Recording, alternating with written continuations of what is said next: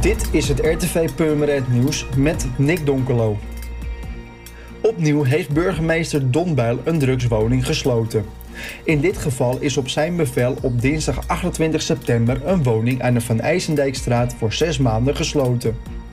In de woning werd een reeds geoogste hennepkwekerij en 6 kilo hennepgruis aangetroffen. Het gruis heeft een geschatte waarde van meer dan 20.000 euro. Daarnaast werd er in de woning een boksbeugel en een groot keukenmes aangetroffen.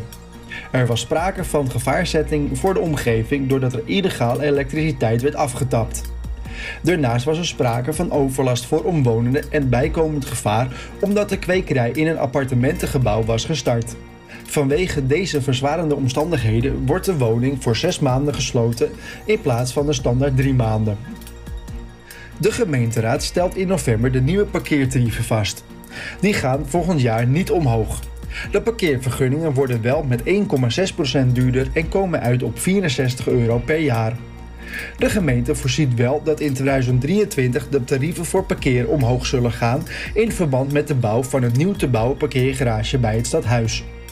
Wat wel nieuw is, is het invoeren van de wielklem met bijbehorend tarief. De tarieven worden gebaseerd op die van omliggende gemeenten waar foutparkeerders ook het risico lopen om een voertuig met een wielslot aan te treffen. Ook naar het tarief voor het wegslepen van voertuigen wordt bekeken, waarbij offertes van sleepbedrijven uit Purmerend en de Beemster leidend zijn. Een parkeerboete kost 65,30 euro.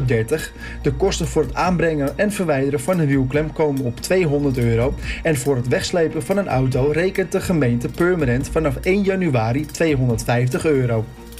Voor meer nieuws, kijk of luister natuurlijk naar RTV Purmerend, volg je onze socials of ga naar onze website, dat is www.rtvpurmerend.nl.